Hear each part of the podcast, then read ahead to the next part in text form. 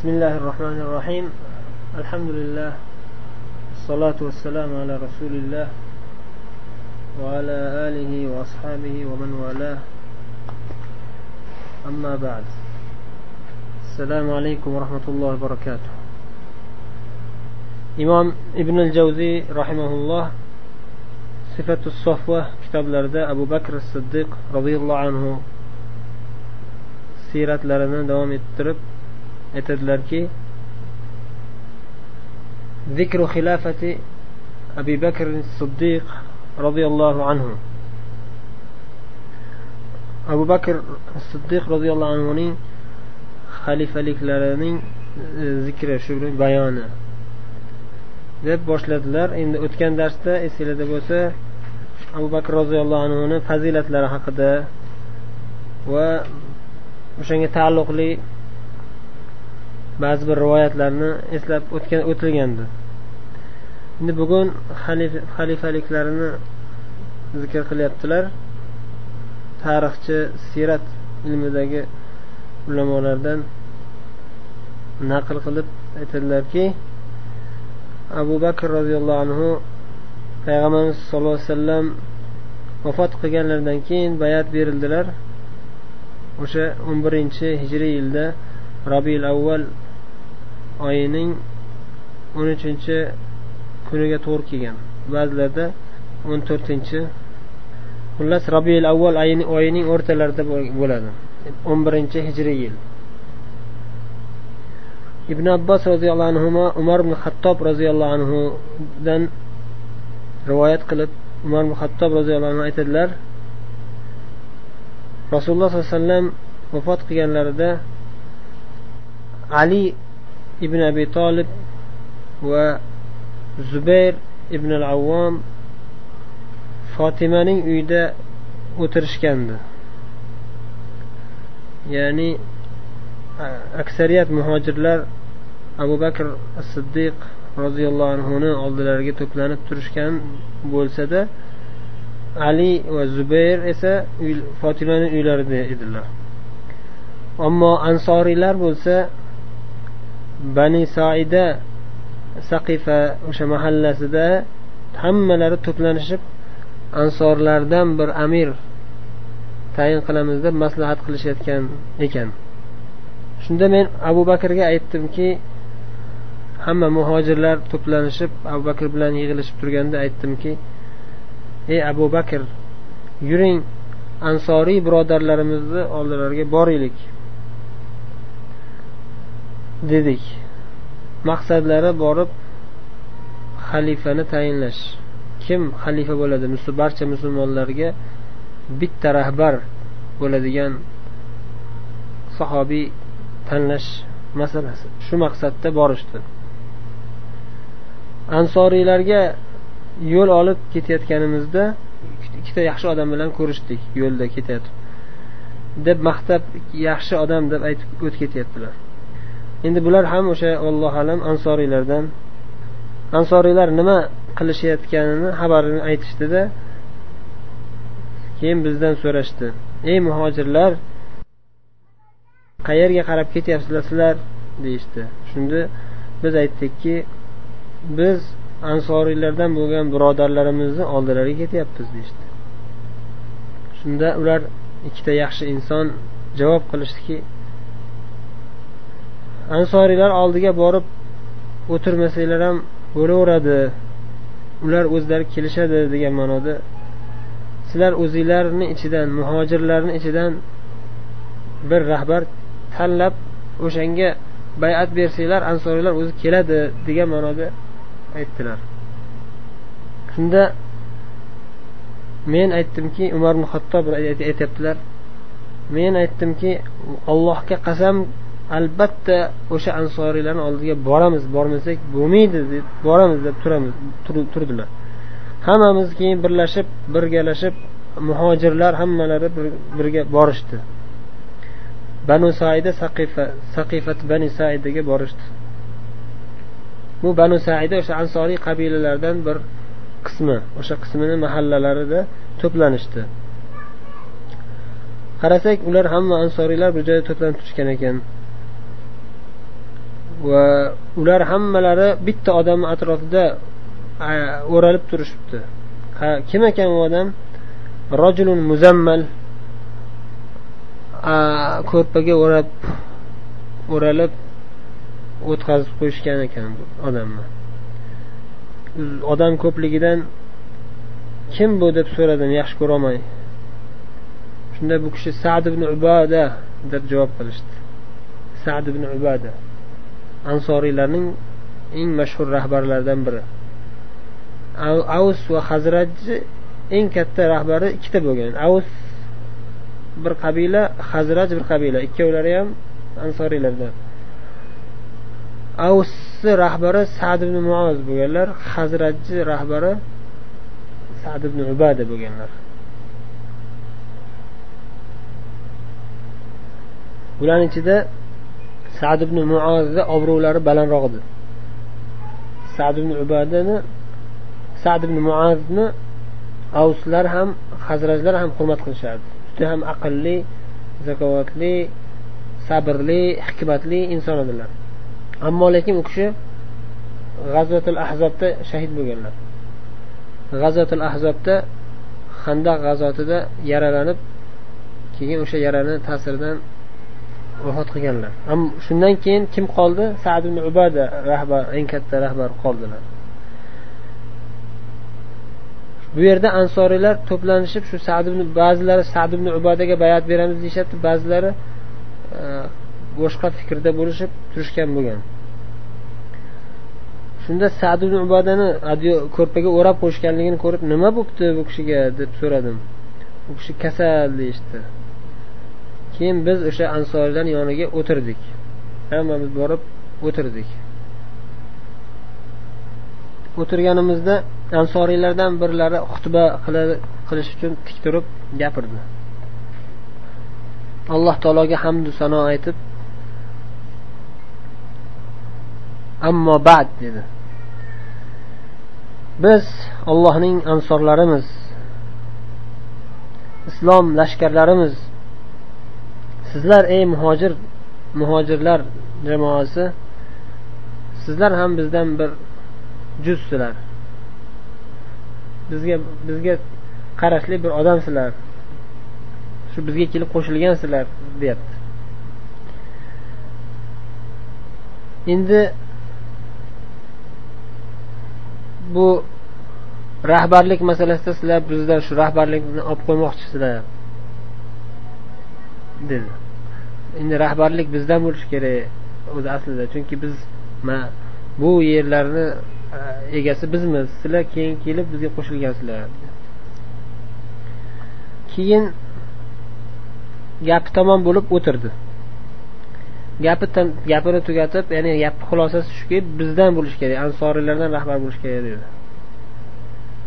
Shu o'tirdi. Biz indamay o'tirib quloq solib turdik. Gapi tamom bo'lgandan keyin men turib gapirmoqchi bo'ldim. Umar ibn hattob aytyaptilar men turib gapirmoqchi bo'ldim. Ichimda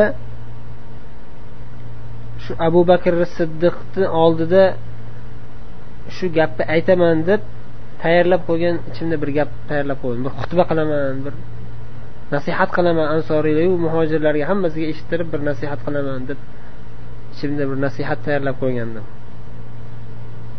Lekin shu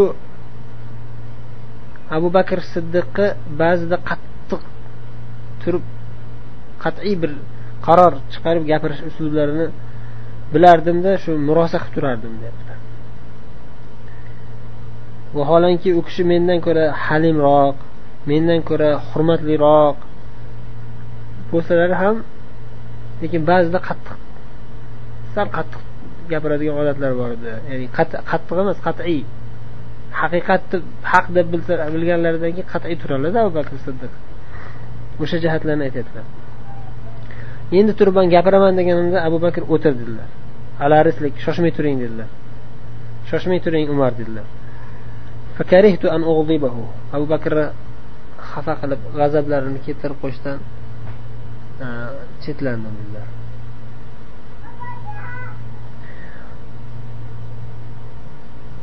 keyin abu bakr roziyallohu anhu turib ansor va muhojirlar oldida turib gapirdilar ansoriylarga xitob qilib والله ما ترك من كلمة أعجبتني في تزويري إلا قالها في بديهته abu bakr gapirganlarida men ichimda tayyorlab qo'ygan o'zim yaxshi ko'rgan so'zlarni tark etmasdan hammasini juda ham bir oddiy suratda tabiiy suratda gapirdilar. Man qizishib turuvdim endi qattiq gapiraman degan ma'noda.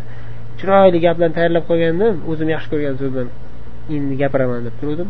Abu bakr shoshmay turing deb o'zini o'zi gapirganlaridan keyin mendan ko'ra chiroyliroq uslubda gapirdilar. Deb maqtayaptilar mendan ko'ra afzalroq men bilmagan gaplar bilan men bilmagan oyat hadislardan keltirib gapirdilar. Juda ham chiroyli bir go'zal maviza qilib berdilarda endi hammaga haligi joyda. Keyin oxirida hamma abu bakrga quloq solib ta'sirlanib haqiqatni tushunib yetishayotgandan keyin aytdilarki endi aytadigan so'zim dedilar abu bakr roziyallohu anhu. Sizlar ansoriylar o'zlaringiz haqida zikr qilib o'tgan barcha yaxshiliklarga sizlar sazovor haqiqatdan ham shu yaxshiliklarga ega bo'lgan yaxshi insonsizlar ansoriylar juda ham buyuk yaxshi odamlar dedilar ولم تعرف العرب هذا الأمر إلا لهذا الحي من قريش lekin vaziyat boshqacha arablar arab qabilalari bu rahbarlik masalasida quraysh qabilasiga rozi bo'ladi xolos qurayshdan boshqa boshqa qabiladan bir odam rahbar bo'ladigan bo'lsa arablar bunga rozi bo'lmasdan fitna qiladi. O'shaning uchun payg'ambar sallallohu alayhi vasallam al min quraysh dedilar. Qurayshdan bo'ladi rahbarlar dedilar. Nimaga hamma qabilalar qurayshga rozi bo'ladi boshqasiga uncha rozi bo'lmaydi? Chunki dedilar arablar ichida eng obro'lisi eng yaxshi joyga joylashib yashagan qabila shu quraysh qabila. Ya'ni makka ahliga ya'ni kabatullohga necha asrlardan beri xizmat qilib kelyapti shu quraysh qabilasi. Kabatullohga necha asrlardan beri. Va nasabi ya'ni abu ibrohim alayhissalomga ismoil alayhissalom va o'g'illari ibrohim alayhissalom o'g'illari ismoil alayhissalom arab bo'lganlar. Birinchi arab shu kishi arablar mustaribalardan shularga eng to'g'ri eng yaqin nasab shu qurayshga. Shu jihatdan hammasi qurayshga taslim bo'lgan arablar. Shuning uchun shu qurayshdan saylash kerak. Biz qiziqayotganimiz yo'q muhojirlar bizdan bo'lsin deb qiziqmaymiz. Lekin vaziyat shuni taqozo qiladi. Qurayshdan bo'lishi kerak. Bo'lmasam fitna bo'lib ketadi deb tushuntirdilar. Endi bu bir sabab. Ikkinchi sabab diniy sabab.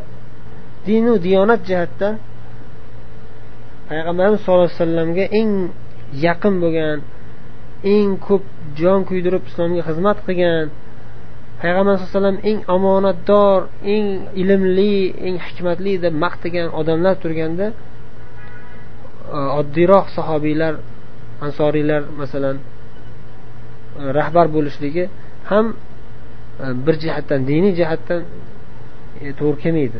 Afzal ish emas bu. Afzal ish eng afzal odam rahbar bo'lishi kerak. O'shaning uchun dedilar sizlarga men mana shu ikkita odamni bittasiga bayat berishinglarga man roziman. Mani fikrimni olsanglar mani maslahatimni qabul qilsanglar mana shu ikkita odamdan bittasini tanlanglar. Umar ibn hattobni tanlanglar yoki abu ubaydani tanlanglar dedilar. Kim gapiryapti? Abu bakr gapiryaptilar. Yo umarni tanlanglar yo abu bakr e, yo abu ubaydani tanlanglar dedilar. Umar rivoyat qilyaptilar. Umar e, rivoyat qilib aytyaptilarki abu bakr shunday deb xutbani oxirida shunday deb qo'shib qo'ydi. O'zi xutbalari juda chiroyli bo'ldi deb maqtayaptilar. Aytyaptilarki shu gapirgan mavizalarini ichida faqatgina shu so'zlari yoqmadi menga umarni tanlanglar degan so'zlar yoqmadi. Chunki deyaptilar allohga qasamki meni bo'ynim kesilib gunohlardan salomat bo'lib xato qilib ketsam shu menga yaxshiroq abu bakrdek buyuk inson bor odamlar ichida meni rahbar qilib tayinlanishidan ko'ra men abu bakr bor joyda amir bo'lishga bo'lish bo'lganimdan ko'ra o'ldirib yuborilganim afzal. Men abu bakrdek buyuk inson oldida o'zim rahbar bo'lishlikni umuman xohlamasdim. Lekin abu bakr shunday dedi. Shu gaplar yoqmadi menga. Ya'ni abu bakr mana shu umarga bayat beringlar yoki abu ubaydaga deganlari menga yoqmadi. Qanday qilib abu bakrdek buyuk inson turganda men men rahbar bo'lishim mumkin? Buni tasavvur qilolmayman. Illa o'lim oldida o'lim kelganda nafsim o'zgarib qolsa endi bilmadim. Lekin man shu holatda aytaman deyaptilar ya'ni abu bakr bor odamlar ichida men rahbar bo'lish umuman tasavvur qilolmayman. Undan ko'ra manga o'lim yaxshi deyaptilarda. Dini din dinlari taqvolari kuchliligidan demak abu bakr roziyallohu anhu xutbalaridan keyingi aytgan so'zlari shu bo'ldi. Qurayishdan bo'lishi kerak xalifa. Qurayishdan bo'lmasa dedilar fitna bo'lib ketadi odamlarga tushuntirdilar shunaqa o'zi aksariyat e, sahobiylar bilishadi ansoriylar ham aksariyatlar buni bilishadi. Shuning uchun o'zi ansoriylarda ittifoq bo'lmay maslahat qilib turishgan. Ya'ni sad ubodaga bayat bersak deb turishgan kimga bayat beramiz deb turishgan ixtilof bo'lib turgan. Ansoriylarni o'zlarini ichida ixtilof bo'lib turgan. Shunda muhojirlar kelishgan bu yoqda. O'sha ixtilof nimaga da'vat qiladi? Ichlarida shu yo'q bu muhojirlarni ichida abu bakr bor umar bor hammamiz bilamizku abu bakr umar doim deb abu bakr umar doim payg'ambarimizni yonlarida o'ng qo'l ikkita vazirlari bo'lib kelgan bular degan sahobiylar bo'lgan ansoriylarni ichlarida. Keyin ansoriylardan yana bir boshqa bir odam turib xutba qildi. Aytdiki men bu masalada eng e, hikmatlisiman siyosiy masalalarni yaxshi tushunadigan menman. Bizdan ansoriylardan bir amir bo'lsin mayli sizlardan muhojirlardan ham bitta amir bo'lsin. Ikkita amir tayinlaylik degan fikrni chiqardi. Lekin bu to'g'ri kelmaydi. Hadislarga ham qarshi bu gap. Shu sababli gap ko'payib ketdi. E bu to'g'ri kelmaydiku deb turib inkor qilganlar chiqib ovozlar ko'tarila boshladi. Hatto ixtilof ixtilof fitnaga aylanib ketib qolishidan qo'rqdim deyaptilar. Faqultu shunda umar aytyaptilarki ubsut yadayka ya abu bakr qo'lingizni bering ey abu bakr men sizga bayat beray dedilar keyin abu bakr qo'llarini ochdilarda rozilik bildirdilar bayatlik bayat berilishga men bayat berdim ey muhojirlar ey odamlar hammanglar bayat beringlar deb chaqirdim bayatga abu bakrga bayat berdim va hamma muhojirlar bir ovozdan bayat berishdi va qolgan hamma ansoriylar ham turib bayat berishdi chunki hammalari bilishadi abu bakrni fazilatini. Faqat hozir payg'ambarimiz vafot qilib qolganlaridan keyin dahshatli holatda sal e, odam dahshatga tushganda ba'zida biladigan ilmi ham esidan chiqib qoladiku. O'zini yo'qotib qo'yadiganlar bo'ladi. Ko'p inson inson tabiatida bor narsa. O'shaning uchun bu ozgina taraddud bo'lib qolgan. Keyin abu bakr va umarni nasihatlaridan keyin ular ilmlari yana eslariga tushib hammalari bir ovozdan keyin abu bakrga bayat berishdi. Yana bir boshqa rivoyatda keladiki rasululloh sollallohu alayhi vasallam vafot qilganlarida yo umarga bayat beringlar yo abu ubaydaga bayat beringlar dedilar abu bakr. Shunga shundan ta'sirlanib umar roziyallohu anhu abu ubaydaga bayat bermoqchi bo'ldilar. Man emas abu ubayda bo'la qolsin bo'lmasam degan gap o'tganda endi allohu alam. Shunda bering abu ubayda qo'lingizni bering bayat bering. Ixtilof bo'lmasin tezroq hal qilaylik degan masala bo'lganda. O'zi abu bakrni afzal deb bilishadi. O'zi joiz shariatda masalan afzal odam turganda sal darajasi pastroq odam bo'lsa ham bayat berish joizku lekin bundan ko'ra afzalrog'i albatta afzal odamga bayat berish kerak. Ya'ni bu yerda joizlik jihatini e'tiborga olib fitna bo'lib ketib qolmasinu tezroq bayat berib hal qilaylik degan nuqtai nazardan umar roziyallohu anhu abu ubaydaga ham aytib ko'rdilar. Abu ubaydaga aytib ko'rdilar. Qani sizga bayat beraylik bo'lmasam? Rozimisiz shunga deganlarda chunki sizni payg'ambarimiz nima dedilar abu ubaydani? Aminu hadihil umma. Rasululloh sollallohu alayhi vasallam abu ubayda roziyallohu anhuni mana shu ummatning eng omonatdor insoni abu ubayda deganlar. O'sha maqtaganliklari omonatdor ishonchli odam bu deganliklari uchun e, buni ko'pchilik sahobiylar bilishadi. Abu ubaydaga shu jihatdan to'la ishonch hosil bo'ladi. Bayat beramiz deyishdi. Shunda abu ubaydaga umar shunday deganlarida abu ubayda umarga qarab aytdilarki islomga kirganimdan beri sizdan bunaqa xato ko'rmagandim. Qanday qilib menga bayat berasiz? Vaholanki sizlarni ichinglarda abu bakr siddiqday inson bo'lsa faniyatnayn qur'onda faniyatnayn deyilgan inson bor abu bakr. Qanday qilib bu odam turib biz bayat beramiz? Qur'onda faniyatnayn deyilgan ya'ni ikkitani ikkinchisi deyilgan. Abu bakrni ikkita odamni ikkinchisi deyilgan ya'ni qayerda? G'orda bekinib o'tirishganda hijrat qilishayotganda g'orda faqatgina rasululloh bilan abu bakr bo'lgan boshqa hech kim bo'lmagan. Qur'onda ham zikr qilingan. Ikki ikkita odam ikkinchisi abu bakrga ishora qilingan. Ya'ni qur'onda zikr qilingan odam bu. Faqatgina payg'ambarni o'zi bilan birga yolg'iz shu g'orda eng sharafli obro'li martabada o'tirgan birga. Hech kimga nasib qilmagan bunaqa hijratda abu bakrdek E, payg'ambarimiz bilan birga hijrat qilish boshqa hech kimga nasib qilmagan. Qur'onda zikr qilingan bu hatto degan ma'noda qanday qilib shu abu bakr turganlarda manga qanday qilib bayat beraman deysiz? Bunaqa xatoyingizni ko'rmagandim islomga kirganingizdan islomga kirganimdan beri man sizni taniganimdan beri bunaqa xato qilganingizni ko'rmagandim dedilar. Xullas abu bakrni eng afzal sahobiy ekanliklarida shubha yo'q edi hech qaysi bir sahobiyni ichlarida. Faqat o'sha musibat boshga tushgan paytda ba'zida odam nima qilishni bilmay qoladi. O'sha jihatdan ozgina ixtilof bo'lib keyin hammalari bir ovozdan abu bakrga bayat berishdi. Ali ibn ali ali ibn abi tolib roziyallohu anhu aytadilar rasululloh sollallohu alayhi vasallam vafot qilganlarida kim rahbar bo'larkan deb qaradik. Qarasak rasululloh sollallohu alayhi vasallam abu bakr roziyallohu anhuni namozda imom qilib tayinladilar. Namozga o'tishga abu bakr o'tsin deb buyurdilar. Rasulullohdek zot abu, bak abu bakrni din ishimizda bizga din ishda ishida dinimizda bizga rahbar bo'lishga imom bo'lishga rozi bo'ldilarmi? Biz endi bu dunyoyimizga ham shu odamni rozimiz deyishdi. Shu odamni imom qilishga rozi bo'lamiz. Dunyoviy ishlarimizda ham. Shu rasululloh sollallohu alayhi vasallam modomiki dinda taqdim qildilarmi? Dunyoda demak undan ko'ra e, avloroq bo'ladi shu odam imom bo'lishligi deb abu bakrni taqdim qildik dedilar. Ali roziyallohu anhu.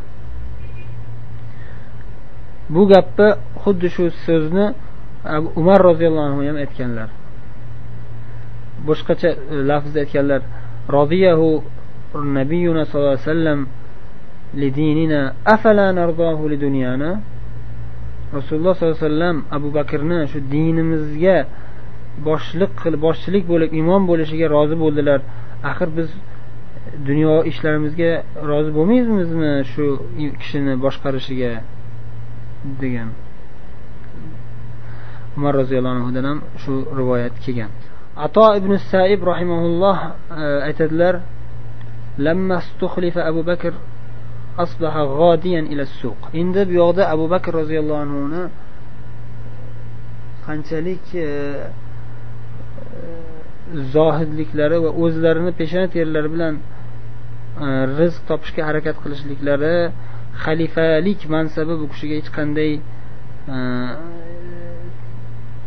salbiy ta'sir qilmaganligi haqida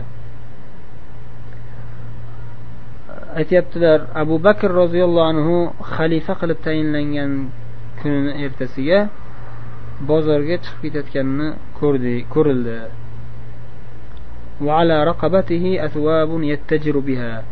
Bo'yinlariga bir qancha bir necha ko'ylaklarni ko'tarib shu ko'ylaklarni sotish bilan tijorat qilish bilan shug'ullanish maqsadida bozorga chiqib ketibdilar.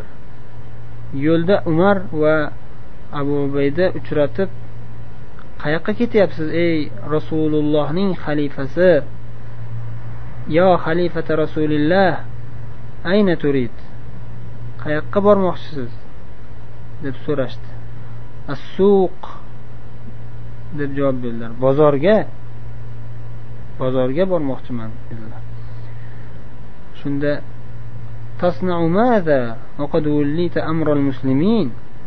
musulmonlarning ishini sizga topshirildi. Siz shu musulmonlarni ishini zimmangizga yuklandi. Musulmonlarni ishi sizni zimmangizga yuklandi. Shunday holatda musulmonlarni e, mas'uliyati bo'yningizda bo'la turib e, siz nima qilyapsiz? deyishdi. Siz ya'ni bozorga chiqib o'zizni ishingiz bilan shug'ullanasizmi? Bu yoqda musulmonlarni ishini kim qiladi? Rahbarlikni kim qiladi deyishdi. Shunda abu bakr javob qildilar famin ayna ut'imu iyali? Oilamni bola chaqamni qayerdan boqaman qayerdan taomlantiraman ularga qayerdan ovqat olib kelib beraman pul topmasam o'zim rizq topmasam harakat qilmasam. Shunda ularga aytishdiki abu bakrga umar va abu ubayda aytdilarki siz bu rahbarlik mansabiga yarasha sizga vazifa shu vazifangizni ado etishingiz uchun biz e, bir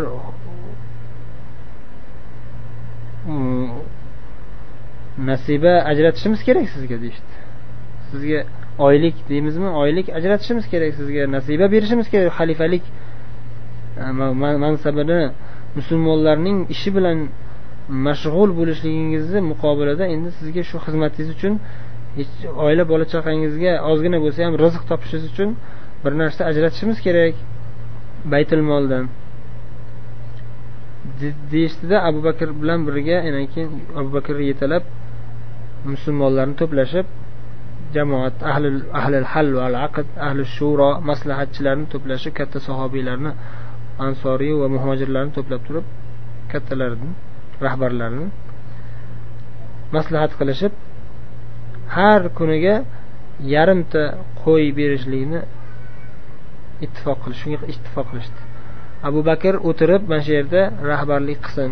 Hamma muhtojlar shu kishiga murojaat qiladi. O'zini muhtojligini shu kishidan kelib o'ziga yordam so'raydi. Bu kishi keyin qaranglar maslahat qilish kerak bo'lsa maslahat qiladilar yordam berish kerak bo'lsa yordam beradilar. Shu ishlarni xizmatlarni qilish uchun bu kishi shu yerda o'tirishlari kerak. O'shanga yarasha biz keyin bu yoqdan e, haqlarni haq ajratishimiz kerak. Shunga qancha beraylik deb maslahatlashib yarimta qo'y kelishdi. Har kuni yarimta qo'y beradigan bo'lishdi. Ya'ni yarim dirham desa ham bo'ladi buni ikki kunga bir dirham ya'ni.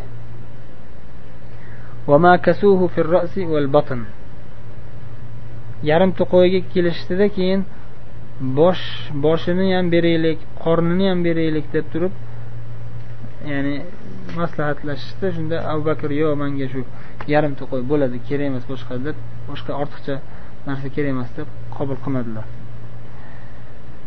Yana boshqa bir rivoyatda keladiki لما ولي أبو بكر الخلافة قال أصحاب رسول الله صلى الله عليه وسلم افرضوا لخليفة رسول الله ما يغنيه. فقالوا نعم. براده إذا أخلقهما وضعهما وأخذ مثلهما وظهره إذا سافر ونفقته على أهله كما كان ينفق قبل أن يستخلف. فقال أبو بكر رضيت. abu bakr xalifalikka tayinlangandan keyin rasululloh sollallohu alayhi vasallam sahobalari aytish maslahatlashdiki rasulullohning xalifalariga u kishini behojat qiladigan bir nasibani ajratinglar endi deyishdi. Shunda ha shunday qilishimiz kerak deb nima beramiz? Qancha beramiz? deb maslahatlashganda quyidagi narsalarni zikr qilishdi. Birinchidan ustidagi kiyimi yirtilib ketsa kiyimi uni o'rniga yangi kiyim olishga shu baytul moldan oladi. Haqqi bor shunga deyishdi. Keyin safarga chiqish kerak bo'lsa xalifa endi safarga ham chiqishi kerak. Safarga chiqish kerak bo'lsa o'sha safarga chiqadigan markabini olishga haqqi bor deyishdi. Keyin uchinchisi o'zini ahli oilasiga e, berish kerak bo'lgan nafaqasi. Xuddi xalifa bo'lishidan oldingi holatda qanday nafaqa qilardi? Xalifa bo'lishidan oldin oddiy bir inson bo'lgan paytida qancha ishlatardi oilasiga? Qancha berardi? Kuniga qancha ovqat yeyishardi? Qanday holatda edi? Shuncha yashab keldi mana oltmish yoshgacha. Oltmish yoshgacha yashagan xalifa bo'lishdan oldin o'rta holatini olamizda o'sha o'rta holatiga binoan xalifadan keyin ham o'sha o'rta holatda yashash kerak. Qanday bo'lgan bo'lsa avval shunday nafaqasini shu oila shu kerakli e, sarmoyasini shu baytul moldan oladi deyishdi. Shunda abu bakr roziyallohu anhu mayli shunga roziman dedilar. O'zi kerak emas degandilar o'zim pul topaman deyaptilar. Manga oylik kerak emas deyaptilar. Faqat e, pul topishlari bilan ya'ni o'zlarini oilalarini boqish bilan ovora bo'lib qolsalar bu yoqda musulmonlarni ishidan ozgina chalg'ib qolishlari mumkin. O'shaning uchun to'la ajratish vaqtlarini ajratishlari kerak bo'lib shunday shunga kelishdi. Yana bir rivoyatda abu bakr roziyallohu anhu ish qilgani chiqdilar yana. O'zlari bir xizmat o'zlarini oilalarini boqish uchun bir e, vazifani ado etish uchun chiqqanlarida bir kishi ko'rib sahobiylardan biri ko'rib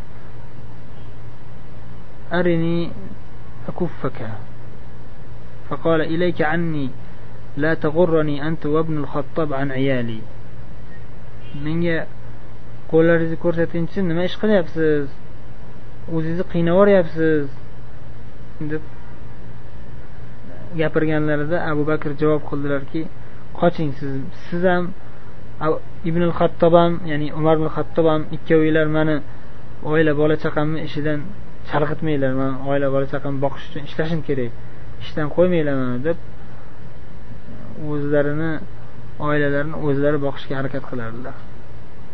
Yana bir rivoyatda abu bakr roziyallohu anhu o'zlarini mahallalariga o'sha qo'y mollaridan sutlarini tuyalardan sog'ib sut sog'ib kelib mahalladagi odamlarga sut tarqatardilar. Xalifa bo'lganlaridan keyin o'sha mahalladagi qizlardan bittasi endi bu kishi xalifa bo'ldilar mana. Endi bizni hovlimizga sut olib kelmanglar endi. Xalifalik bilan ovora bo'lib qoladilar deb aytibdi. Shu gapni abu bakr roziyallohu anhu eshitib qoldilar. Shunda aytdilarki bala la ahlibannaha lakum. Yo'q man albatta. xalifa bo'lsam ham o'sha sutni sog'ib olib kelib tarqataman dedilar وإني لأرجو أن لا يغيرني ما دخلت فيه عن خلق كنت فيه men umid qilamanki mana shu kirgan ishim xalifalik ishi meni avvalgi axloqimni o'zgartirmasligini umid qilaman avval qanday xulq bilan xulqlangan bo'lsam o'shanday bo'lib davom etishga harakat qilaman dedilar